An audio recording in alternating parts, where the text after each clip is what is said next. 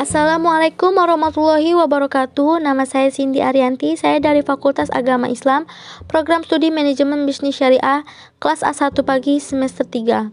Pada kesempatan kali ini saya akan mereview film yang berjudul The Pursuit of Happiness. Film ini adalah film biografi drama yang terinspirasi dari kisah nyata dan naskah film ini ditulis berdasarkan buku karya Chris Gardner yang berjudul The Pursuit of Happiness. Film ini dibintangi oleh Will Smith, Jaden Smith, dan Tandy Newton. Dan yang pasti, kita akan menemukan banyak pembelajaran kehidupan pada film ini. Film ini bercerita mengenai sebuah keluarga kecil yang sederhana, yaitu Chris Gardner dan Linda, yang merupakan sepasang suami istri yang mempunyai anak bernama Christopher, yang tinggal di sebuah kontrakan kecil sederhana.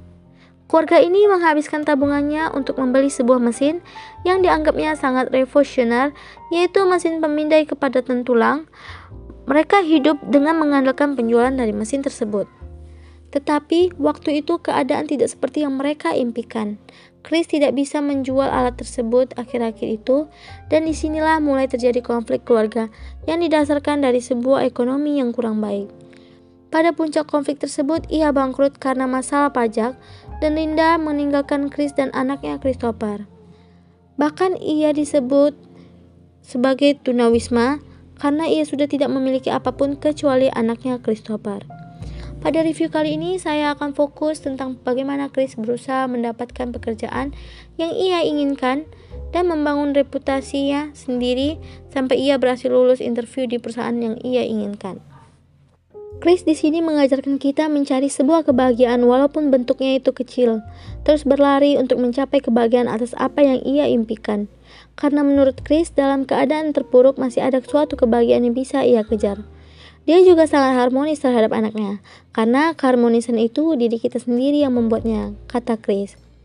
Dalam membangun reputasi diri, hal yang Chris lakukan adalah tidak memberitahu masalah hidupnya yang ia alami kepada orang lain tetap terlihat baik-baik saja dan berusaha menjadi orang yang gigih, cerdas, dan mempunyai kemauan untuk belajar yang tinggi. Hal ini terlihat saat ia melakukan pendidikan selama enam bulan tanpa digaji untuk mencapai impiannya menjadi pialang saham. Selama waktu itu juga ia harus mengatur waktu antara mengurus anaknya, menjual barang dagangan yang berguna untuk hidup selama enam bulan, dan belajar di perusahaan yang menawarkan pendidikan calon pialang saham serta mencari pelanggan untuk perusahaan tersebut. Ia juga dituntut menyelesaikan tugasnya dengan cepat supaya dapat tinggal di panti tunawisma yang ia dapatkan secara siapa yang duluan ia bisa tinggal di tempat itu.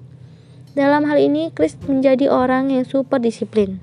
Saya merasa terpukau dengan perjuangan Chris, melakukan semua upaya untuk mengatasi semua hal yang ia lakukan untuk memperbaiki kualitas hidupnya. Menjadi orang yang humble, selalu bertanya, merupakan pelajaran selanjutnya yang saya dapatkan. Bagaimana ia mencari relasi sebanyak-banyaknya, selalu mengucapkan terima kasih atas sesuatu yang ia dapatkan walaupun itu kecil. Ia juga tak sungkan untuk meminta maaf ketika ia merasa bersalah terhadap siapa pun untuk memperbaiki reputasi dirinya. Banyak belajar dan sebisa mungkin menyelesaikan sesuatu itu dengan sempurna dan terbaik tidak memikirkan pandangan orang yang menilainya secara negatif, tetapi berusaha bagaimanapun pandangan orang terhadap kita dapat positif. Dia merupakan orang yang optimis akan suatu hal bahwa ia akan bisa menjalaninya dengan menjunjung tinggi kejujuran, integritas, dan kerjasama tim. Ketika dia tidak tahu jawaban atas suatu pertanyaan, ia akan menjawabnya tidak tahu. Meskipun pada awalnya ia direndahkan dan tidak dihargai, menurut saya itu adalah proses ia menuju kebahagiaan. Setelah semua kerja kerasnya selama enam bulan, akhirnya ia berhasil terpilih bekerja di mulai karirnya di Dinwitter. Kemudian ia berhasil mendirikan perusahaan jasa layanan keuangannya sendiri yang ia beri nama Gardner Ridge dan menjadi multimiliarder yang dermawan, membangun panti tunawisma, dan mengingat ia pernah mengalami hal tersebut. Satu pembicaraan pada film ini, Chris mengatakan beberapa hal cukup mengasihkan saat pertama kali melakukannya, tapi selanjutnya tidak lagi. Pesan moral yang kita dapatkan di film ini adalah kerja keras akan menghasilkan kesuksesan. Jadi, tetap berusaha, berjuang, dan terus berdoa. Sekian hasil review film dari saya. Jika saya ada kesalahan kata, mohon dimaafkan. Wabillahi taufik wal hidayat. Wassalamualaikum warahmatullahi wabarakatuh.